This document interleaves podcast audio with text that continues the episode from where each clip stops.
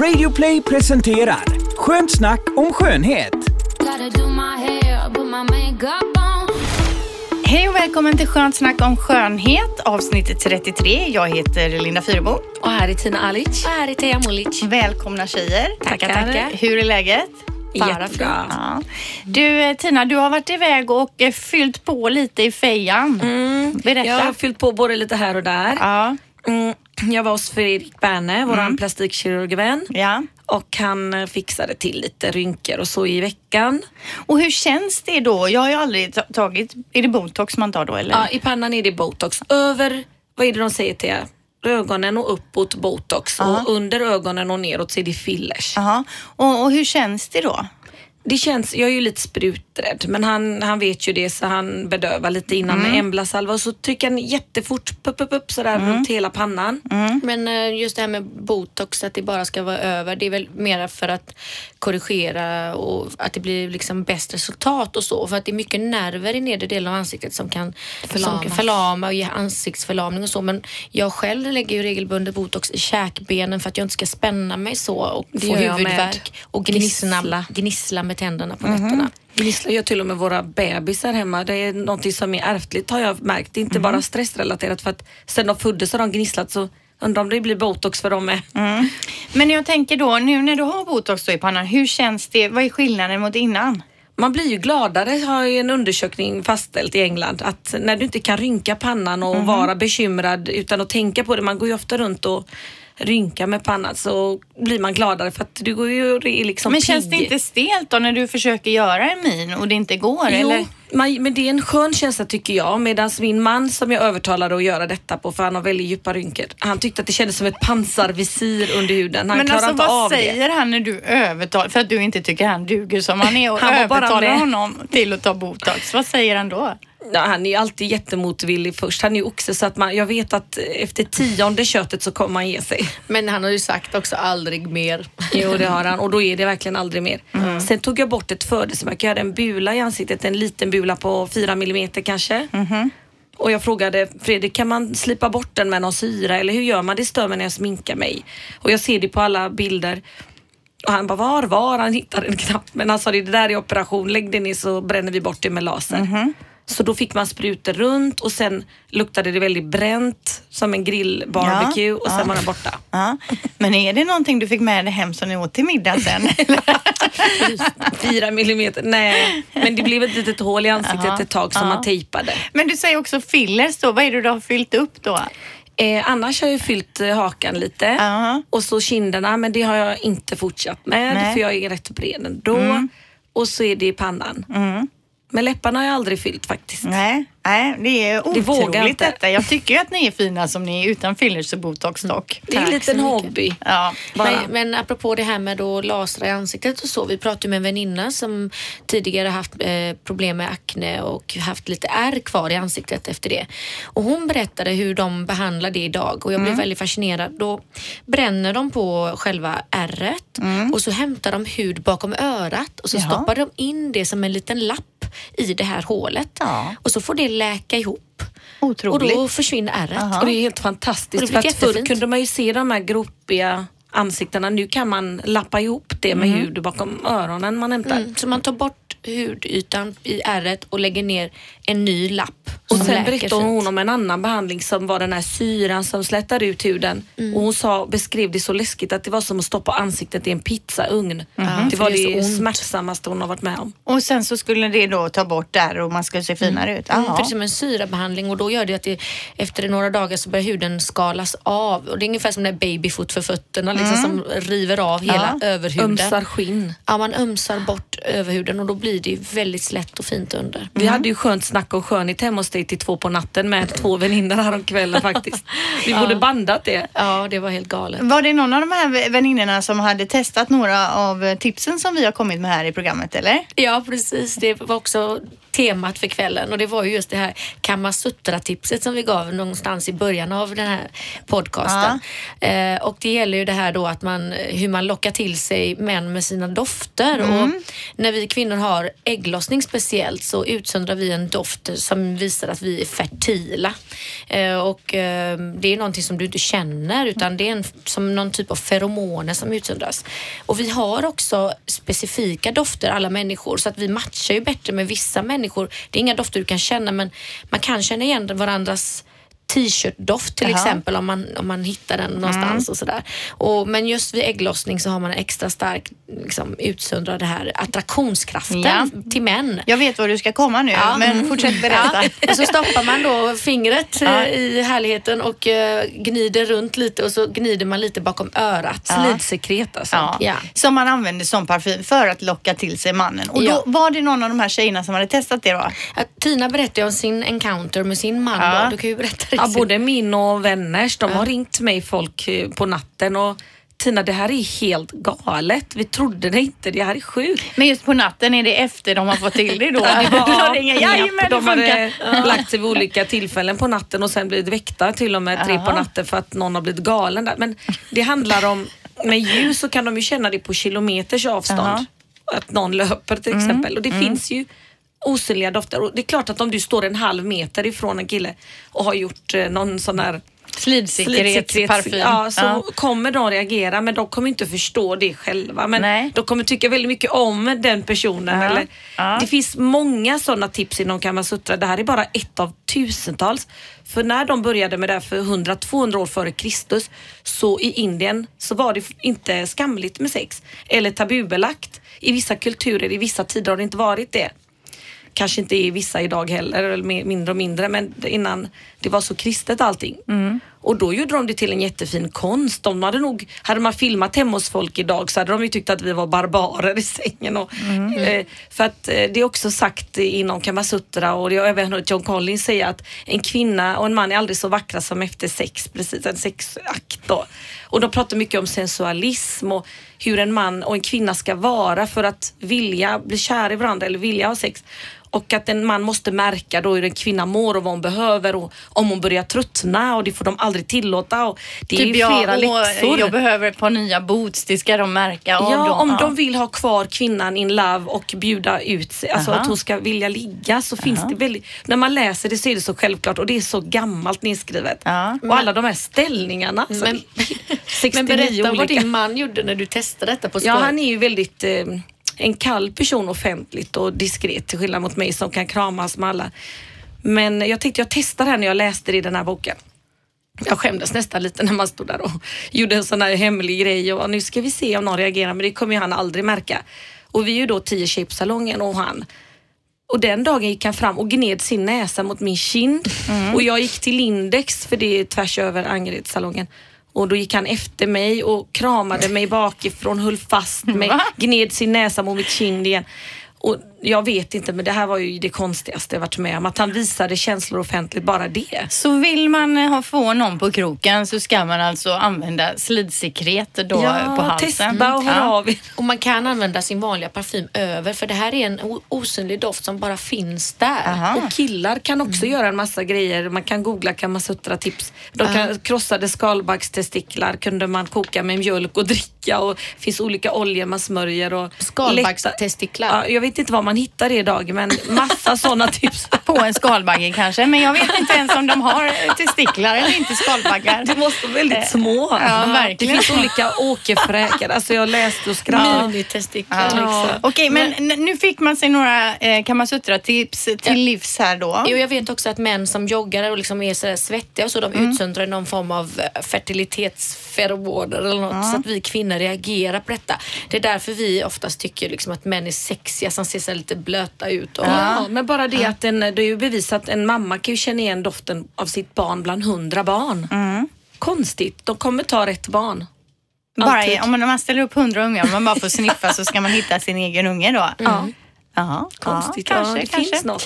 Ja, intressant. Eh, jag tänker på, jag ska säga en sak som jag har gjort i veckan också sen förra Mm. veckan som vi pratade om då. Vi pratade om den här Glossybox förra veckan. Ja. Jag har sett reklam för den överallt. Var jag än går in nu så ser Är det jag bara det. för vi har pratat om Nej ja. men det är väl det också att har man väl börjat klicka in på det en gång så är det, då dyker det Ah. upp överallt. Va? Men nu har jag beställt min första Glossybox här Ah. och vi pratade om hur, huruvida den är specialgjord för eh, Ålder. ålder eller inte. Och det var ju så här, när jag hade beställt den så fick jag ett frågeformulär vad jag har för hårfärg, eh, vad jag har för ålder, om jag har torr hy, om jag har torrt hår. Eller Det är så, bra. Eh, så då får man ju hoppas att man får produkter då eh, som är gjorda för en. Och då dyker väl den här Glossyboxen upp hemma då om några veckor antar jag. Så då kan jag återkomma och recensera sen. På tal om att klicka in sig hela tiden. På min Facebook så kommer det bara upp om skönhet och hår annars. Mm. Men nu hade jag klickat in om Kamasutra.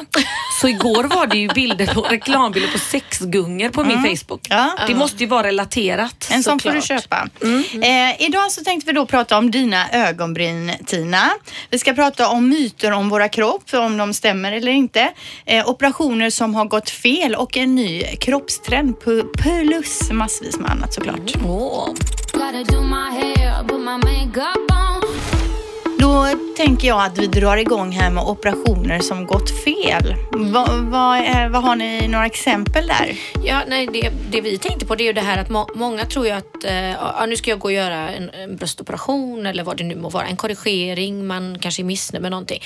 Och det är inte alls självklart att det blir bra första gången och det har ju vi fått lära oss som har sett Ja. många göra operationer. Alltså, 90 procent av mina vänner har fått göra om sina operationer för att det inte blir bra första gången. Så att det är ju en korrigeringsprocess. Och jag har varit med på många konsultationer med vänner och hållit handen och varje plastikkirurg säger att det är bara 5% som det strular med eller 10 som man korrigerar eller det blir något farligt av. Men jag tror att de menar någonting som är Allvarligt. väldigt allvarligt. Medan det är nog 90 som har några små touch-ups att behöva göra efteråt. Ja. Det tror jag många kan skriva under på som har gjort operationer. Det Att man går vara- tillbaka och på sådana här kontroller och så ändrar man något som inte funkat. Och... till exempel jag då när jag var ung, då var det ju inte modernt det här med Kardashians och stora rumpor och sådär. Jag fettsög ju mina lår och rumpa ja, en omgång och då tog de ut två liter fett. Aha.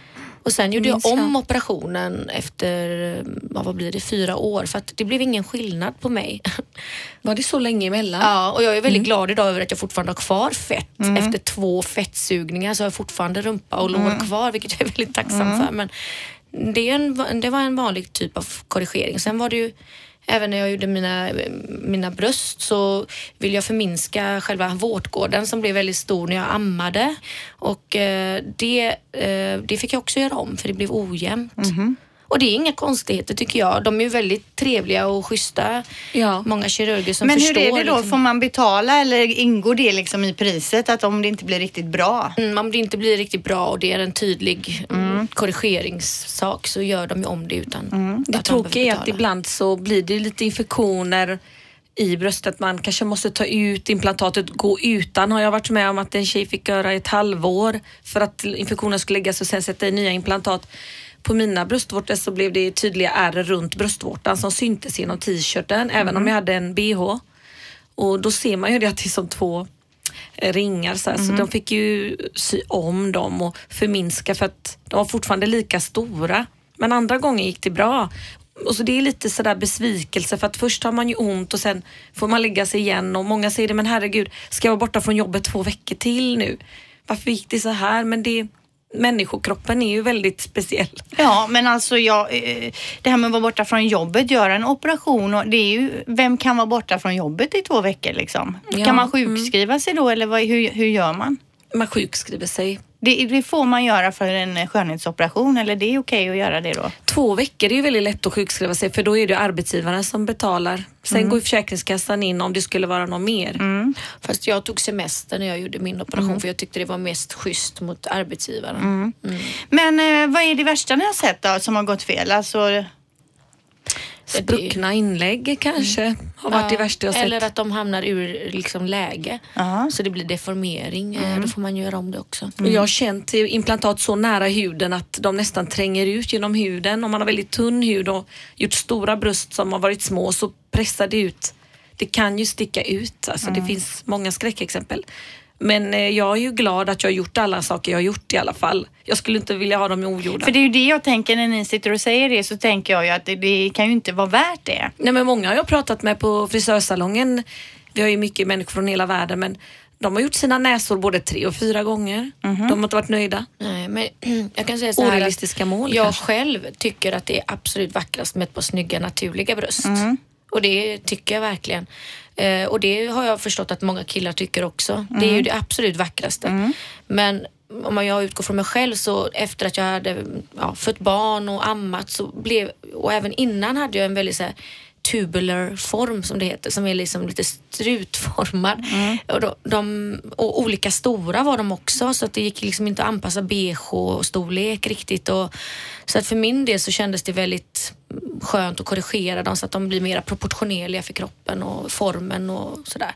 Men, men jag, jag tycker det är väldigt vackert med naturliga. Hade jag kunnat ha mina naturliga bröst och de var schyssta så hade jag aldrig lagt in implantat för att göra dem jag, större. jag tänker så här då när man blir äldre, det är ju en del av att åldras, en del av att få barn. Det är ju Mm. att kroppen förändrar sig liksom. Det måste ju ändå vara okej också. Men de vanligaste operationerna börjar ju bli, det ökar ju med flera hundra procent per år att man vill förändra för sin egen skull och självkänslan och man ser någon annan Jo, gå men från... självkänslan det har ju att göra med att man ser alla andra som är perfekta och att man inser att nej, det duger inte att se ut som man själv gör. Fast om man Ja. alltid måste liksom anpassa brösten när man har på sig en t-shirt och liksom ha inlägg i det ena, bh och, och, och liksom, det blir så omständigt. Man vill ju bara kunna ta på sig en t-shirt och inte behöva tänka. Och ha självförtroende när man, även när man tar av sig och man känner, man tittar sig i spegeln att det känns bra. Det, det är liksom hur man, hur man mår själv mest och hur man trivs med sin kropp som är viktigast. Inte vad Och en del har ju det här, andra så vi pratade om det också, jag och du sedan, att man har så olika blueprint om vad som man gillar i sitt liv. Att blueprint betyder att du har en bild av dig själv eller hur någon annan, vad som är finast. En del tycker ju att 180 kilo är en blueprint, det är det de vill vara. Det finns verkligen folk som älskar Big is beautiful, I love my curves och I'm so hot. Och en annan kan känna sig rund och så tycker jag att hon är ju twiggy wiggy 50 kilo och hon vill ju helst vara 32. Så att man måste inse att det handlar om ens egna blueprint. Hur man vill ha sitt liv i hus och barn och vovve är viktigt eller eh, karriären. Så att eh, jag, jag har lärt mig så mycket när de lyssnar den här Tony Robbins som jag plågar alla mina vänner med. Och ni vet säkert vem han är, någon där ute. Vad är, vad är det för en då? Det är en guru, han I'm not your guru heter hans film på Netflix. Men Aha. det är en underbar kille som pratar och öppnar ögonen. Han frågar liksom varför gör vi på vissa sätt och hur kan vi förbättra våra liv? Hur kan vi må bra idag?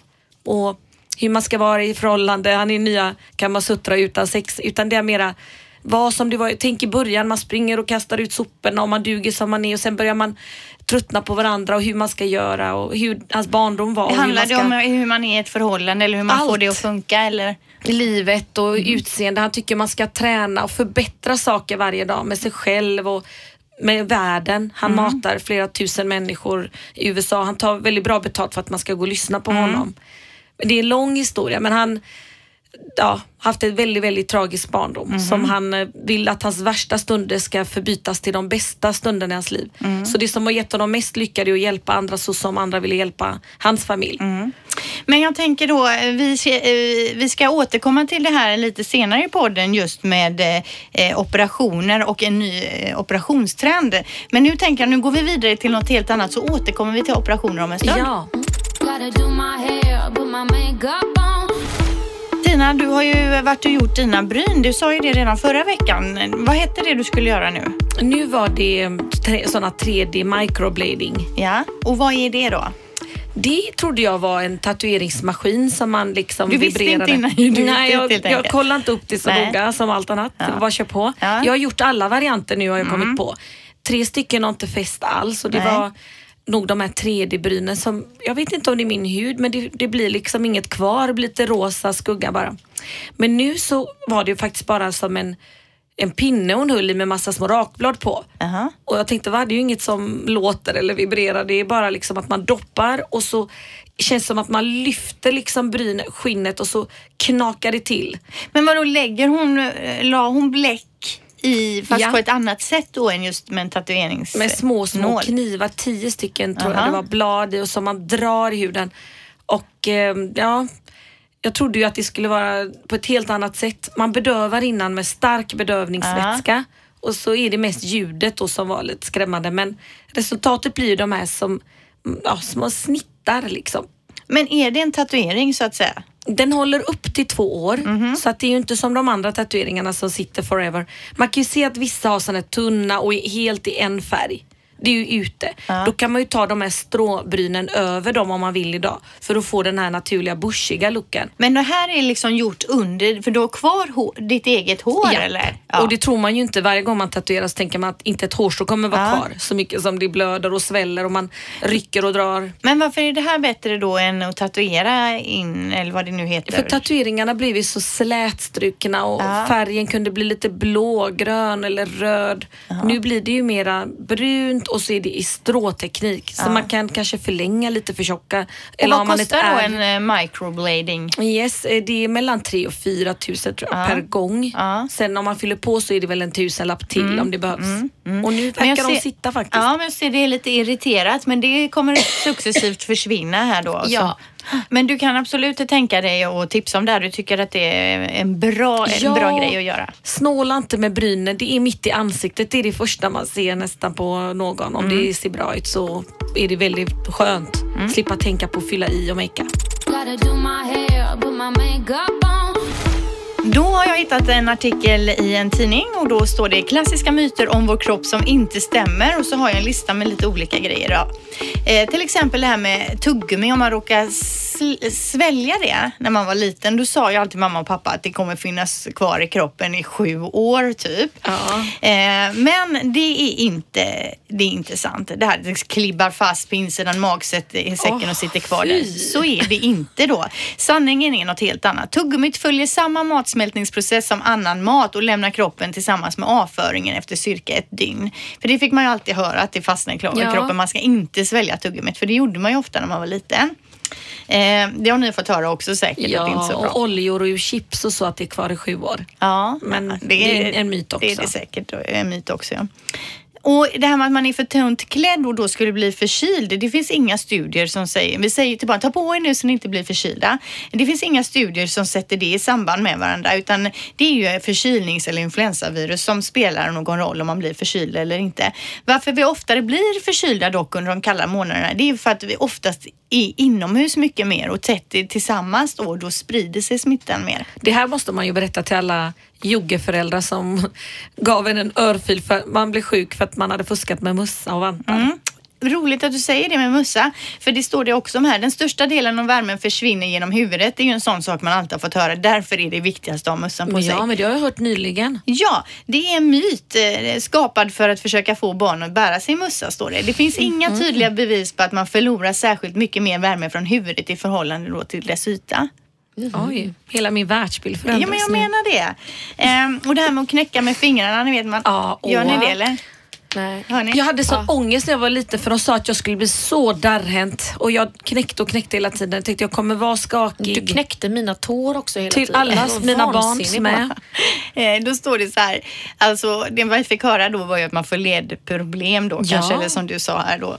Eh, det finns inga bevis på att knakandet kan Åh. orsaka artrit eller artros, artros. Enligt en eh, läkare här som te- har testat detta på sin egen kropp genom att i 50 år knäcka fingrarna på sin vän- vänstra hand minst två gånger om dagen medan han lät den andra högra handen vara eh, så har han inte märkt någon som helst Då skillnad. ska jag börja igen. Ja, för det, det är ju någonting med något vakuum i. Det är det, därför det gör att det, det är en knäcker. gas eller någonting som Ja. smäller till har de kommit fram till. Men det är ju så, naturen hade ju inte gjort att det var något farligt tror jag, för det är så lätt att stå och knäcka Ja, fingrarna. Och en del är ju nästan tics på en del. De och säger att det är någon gas i fingrarna. Ja.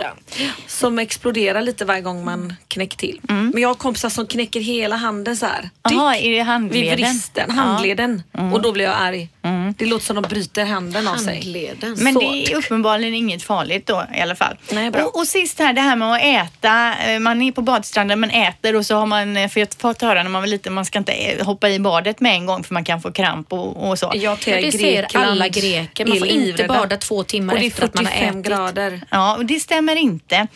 Man hade ju som argument då att ma- matsmältningen drar blodet till magen vilket skulle göra att musklerna då får mindre blod och så ska man få kramp då. Sanningen är dock en annan. Annan. Än så länge finns det inga undersökningar som ger stöd för det här. Utan det är väl bara helt enkelt så att föräldrarna vill ha det lite lugnt och skönt efter maten och ligga och ta det lugnt och inte upp och springa och passa ungar då. Och så har de skrämt vettet ur alla grekerna så att alltså barnen får inte bada två timmar innan eller två timmar efter att de har ätit. Och de verkligen tvingar barnen att ligga i skuggan Ja, och i den här herregud, värmen. de är jättenoga. Och så sa jag det, men då skulle ju alla barn ha dött i Sverige för alla hoppar ju i direkt Mm. efter de äter. Ingen som följer det i Sverige för i, i Grekland är de så stenhårda på detta.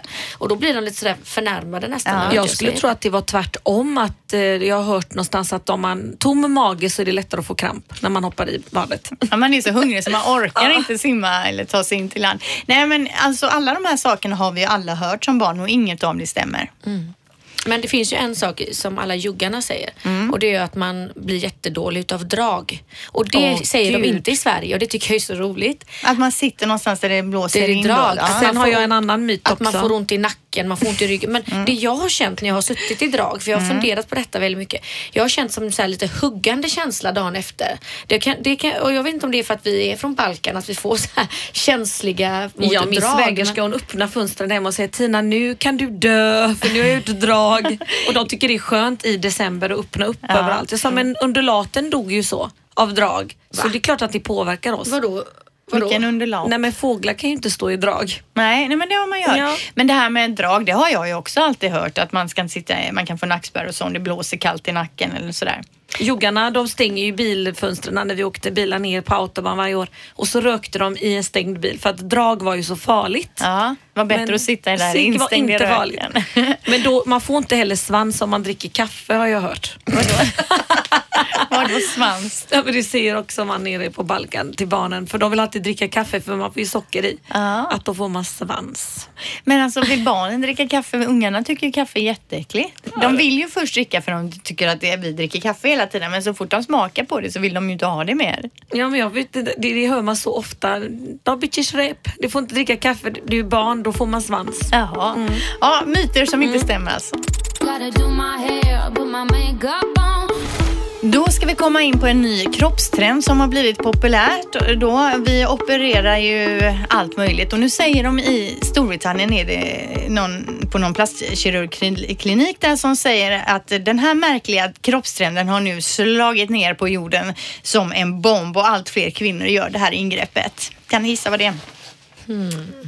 Jag hoppas inte det är någonting med underlivet. Nej, det är det inte. För det gör med, många i Angered, de tajtar till sig där nere. Men kanske har med händerna att göra. Nej, Eh, och det, det har lite med brösten att göra men det är inte för att göra dem större eller mindre utan det handlar helt enkelt om att få bort den här lilla bulan som bildas här mellan bhns kant och, och bröstet vid armhålan här. Ja, ja, ja. Eh, det är väldigt svårt att träna bort då. Och, eh, och alla, hon menar på den här plastkirurgen då att alla kvinnor strävar efter att se bättre ut och när man inte har något kvar att göra då så blir den här My väldigt God. viktig, den här lilla Jag måste bullen hem och kolla hur det ser ut där. Eh, nej men så enligt henne så är det väldigt vanligt. Även knän och armbågar och armhålor och sådär. Men framförallt nu då det kom, folk kommer in med är den här lilla bulan.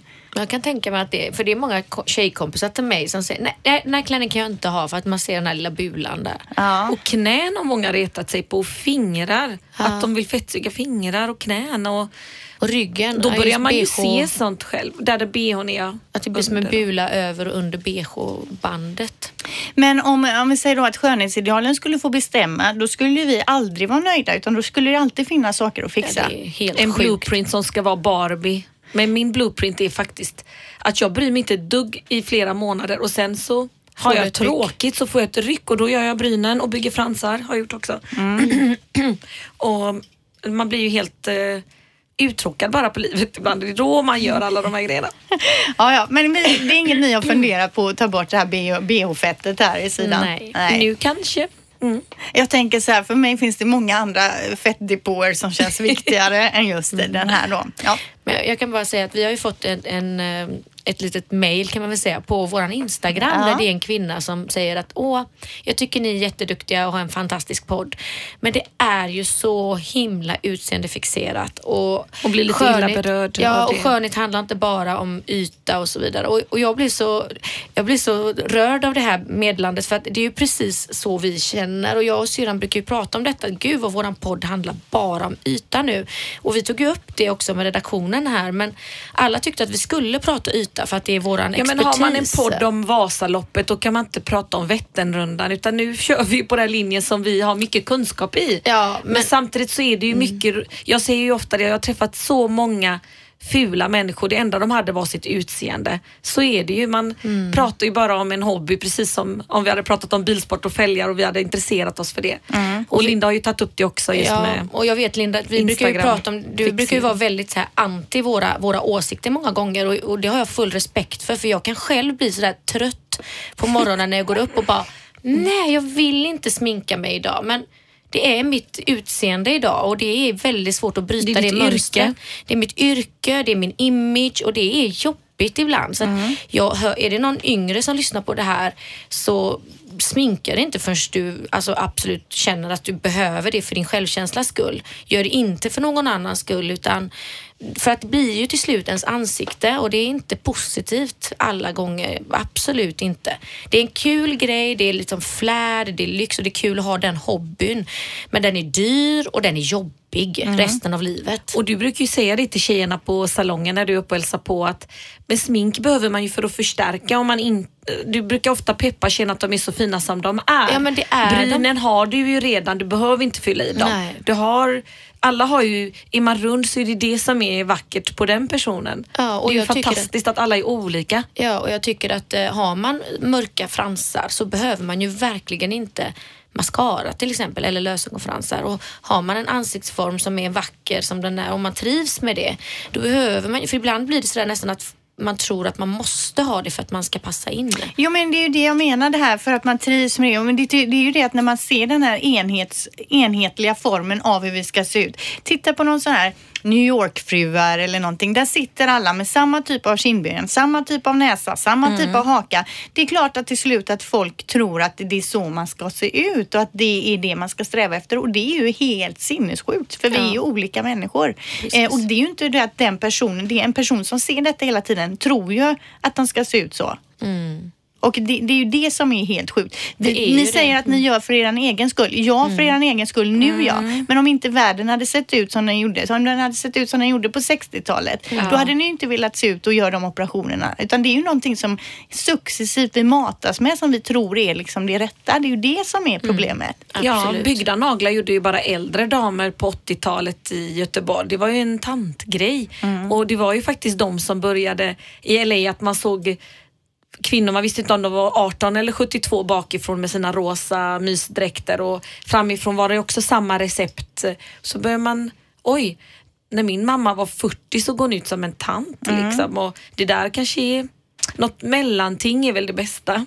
Jo men det är det och sen är det ju okej att åldras. Det, det måste det ju få vara. Man ska ju inte behöva springa och ha, försöka hålla sig se ut som man är i 30 hela livet. Men det samtidigt går är det så tråkigt när Trini och Susanne eller vilka var det som gick runt på stan och så stoppade de kvinnor så skulle folk gissa åldern sen och det ofta var 20 år mer. Man liksom blir Fast ju det piggare. har ju att göra med vilken style man har. Det behöver ju inte ha att göra Absolut. med om man har rynkor eller hängiga mammabröst att göra utan det har ju vilken output man har på något sätt. Så det behöver ju inte vara så att man behöver se gammal ut bara för att man har rynkor. Man kan ju fortfarande Ja. liksom tycka att man vill bry sig om sitt utseende. Ja, och jag har ju kunder som, man fixar håret på dem, sen lägger de upp på Facebook. Jag fick sån energi så har de bakat och lagat mat. Och man vet ju alla att är vi vårat finaste jag och gör det bästa av, man tränar lite. Det är det här att göra små förändringar till det bättre inom alla plan i livet. Vi pratar ju om det här planet.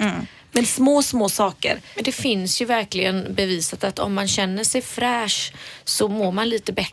Alltså att man sträcker på sig, man blir gladare och om man får en komplimang så mår man ju väldigt, väldigt bra. Absolut. Och det finns, jag vet, jag var ju med i ett sånt program som, jag vet inte om det finns kvar fortfarande, som heter Look Good Feel Better som de hade på sjukhusen för de som fick cancer och tappade allt håret. Och då var vi där och hjälpte dem att makea sig och visa hur man kan måla på lite bryn och hur man kan fixa en sjal på huvudet så att man ändå kände sig Snygg. fin Ja. även om man var sjuk.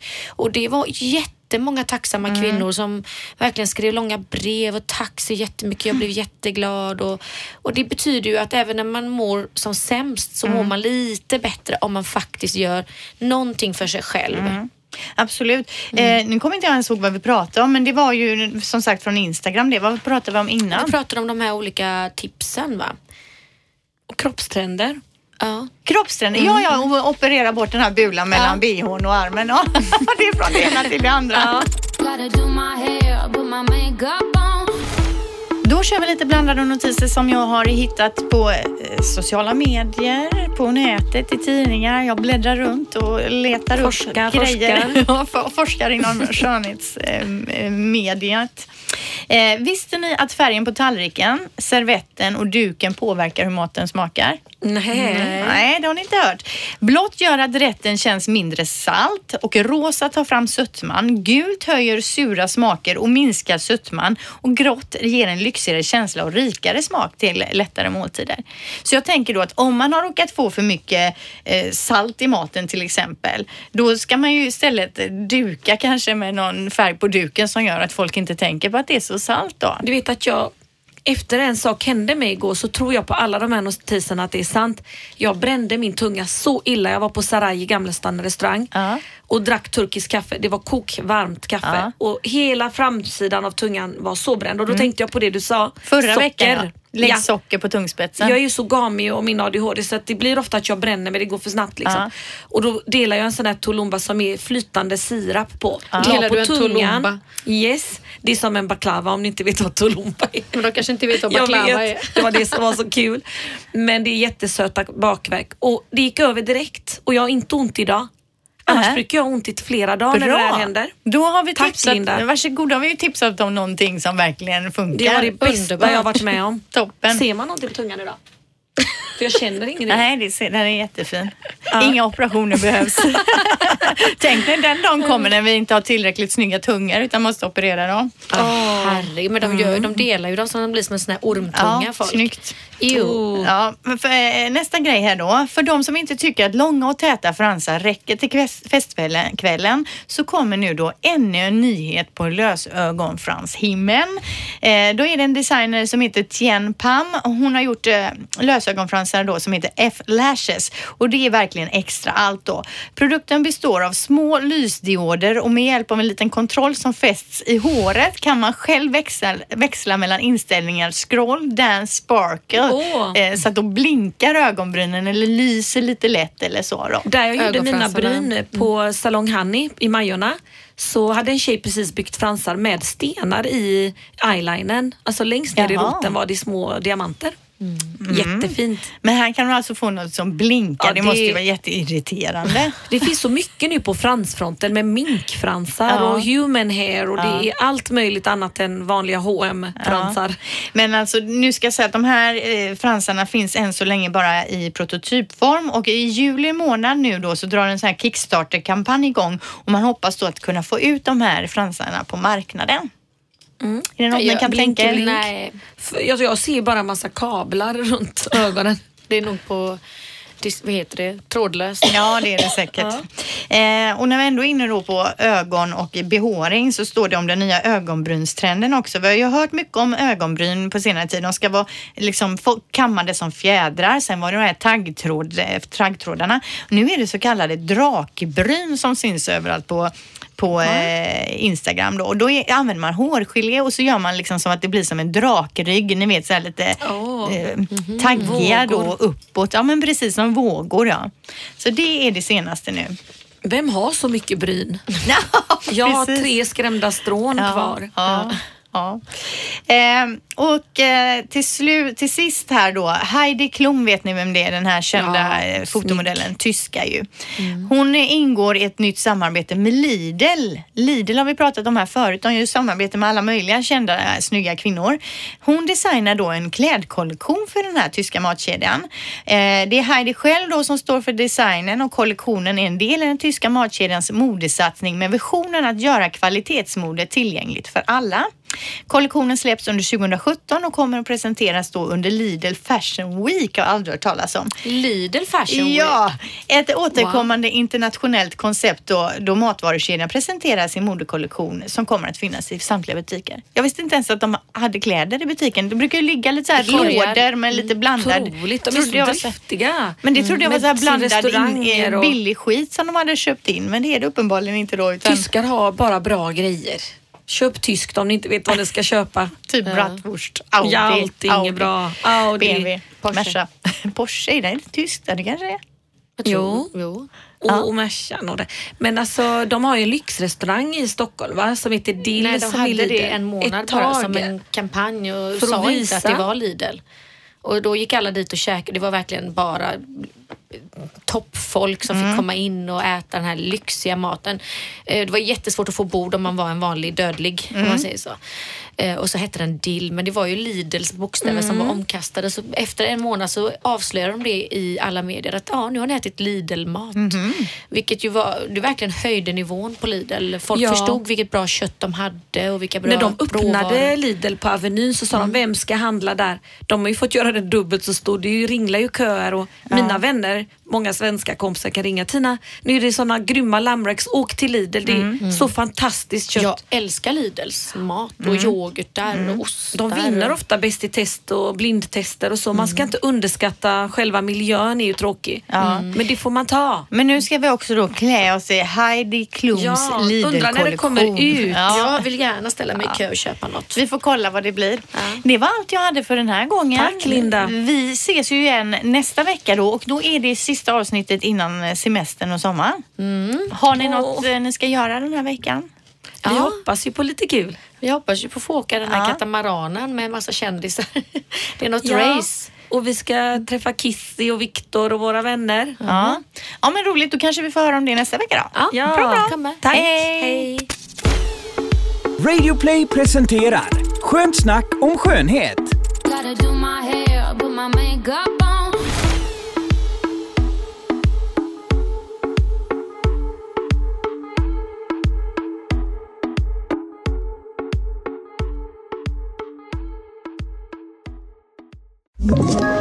Ett poddtips från Podplay.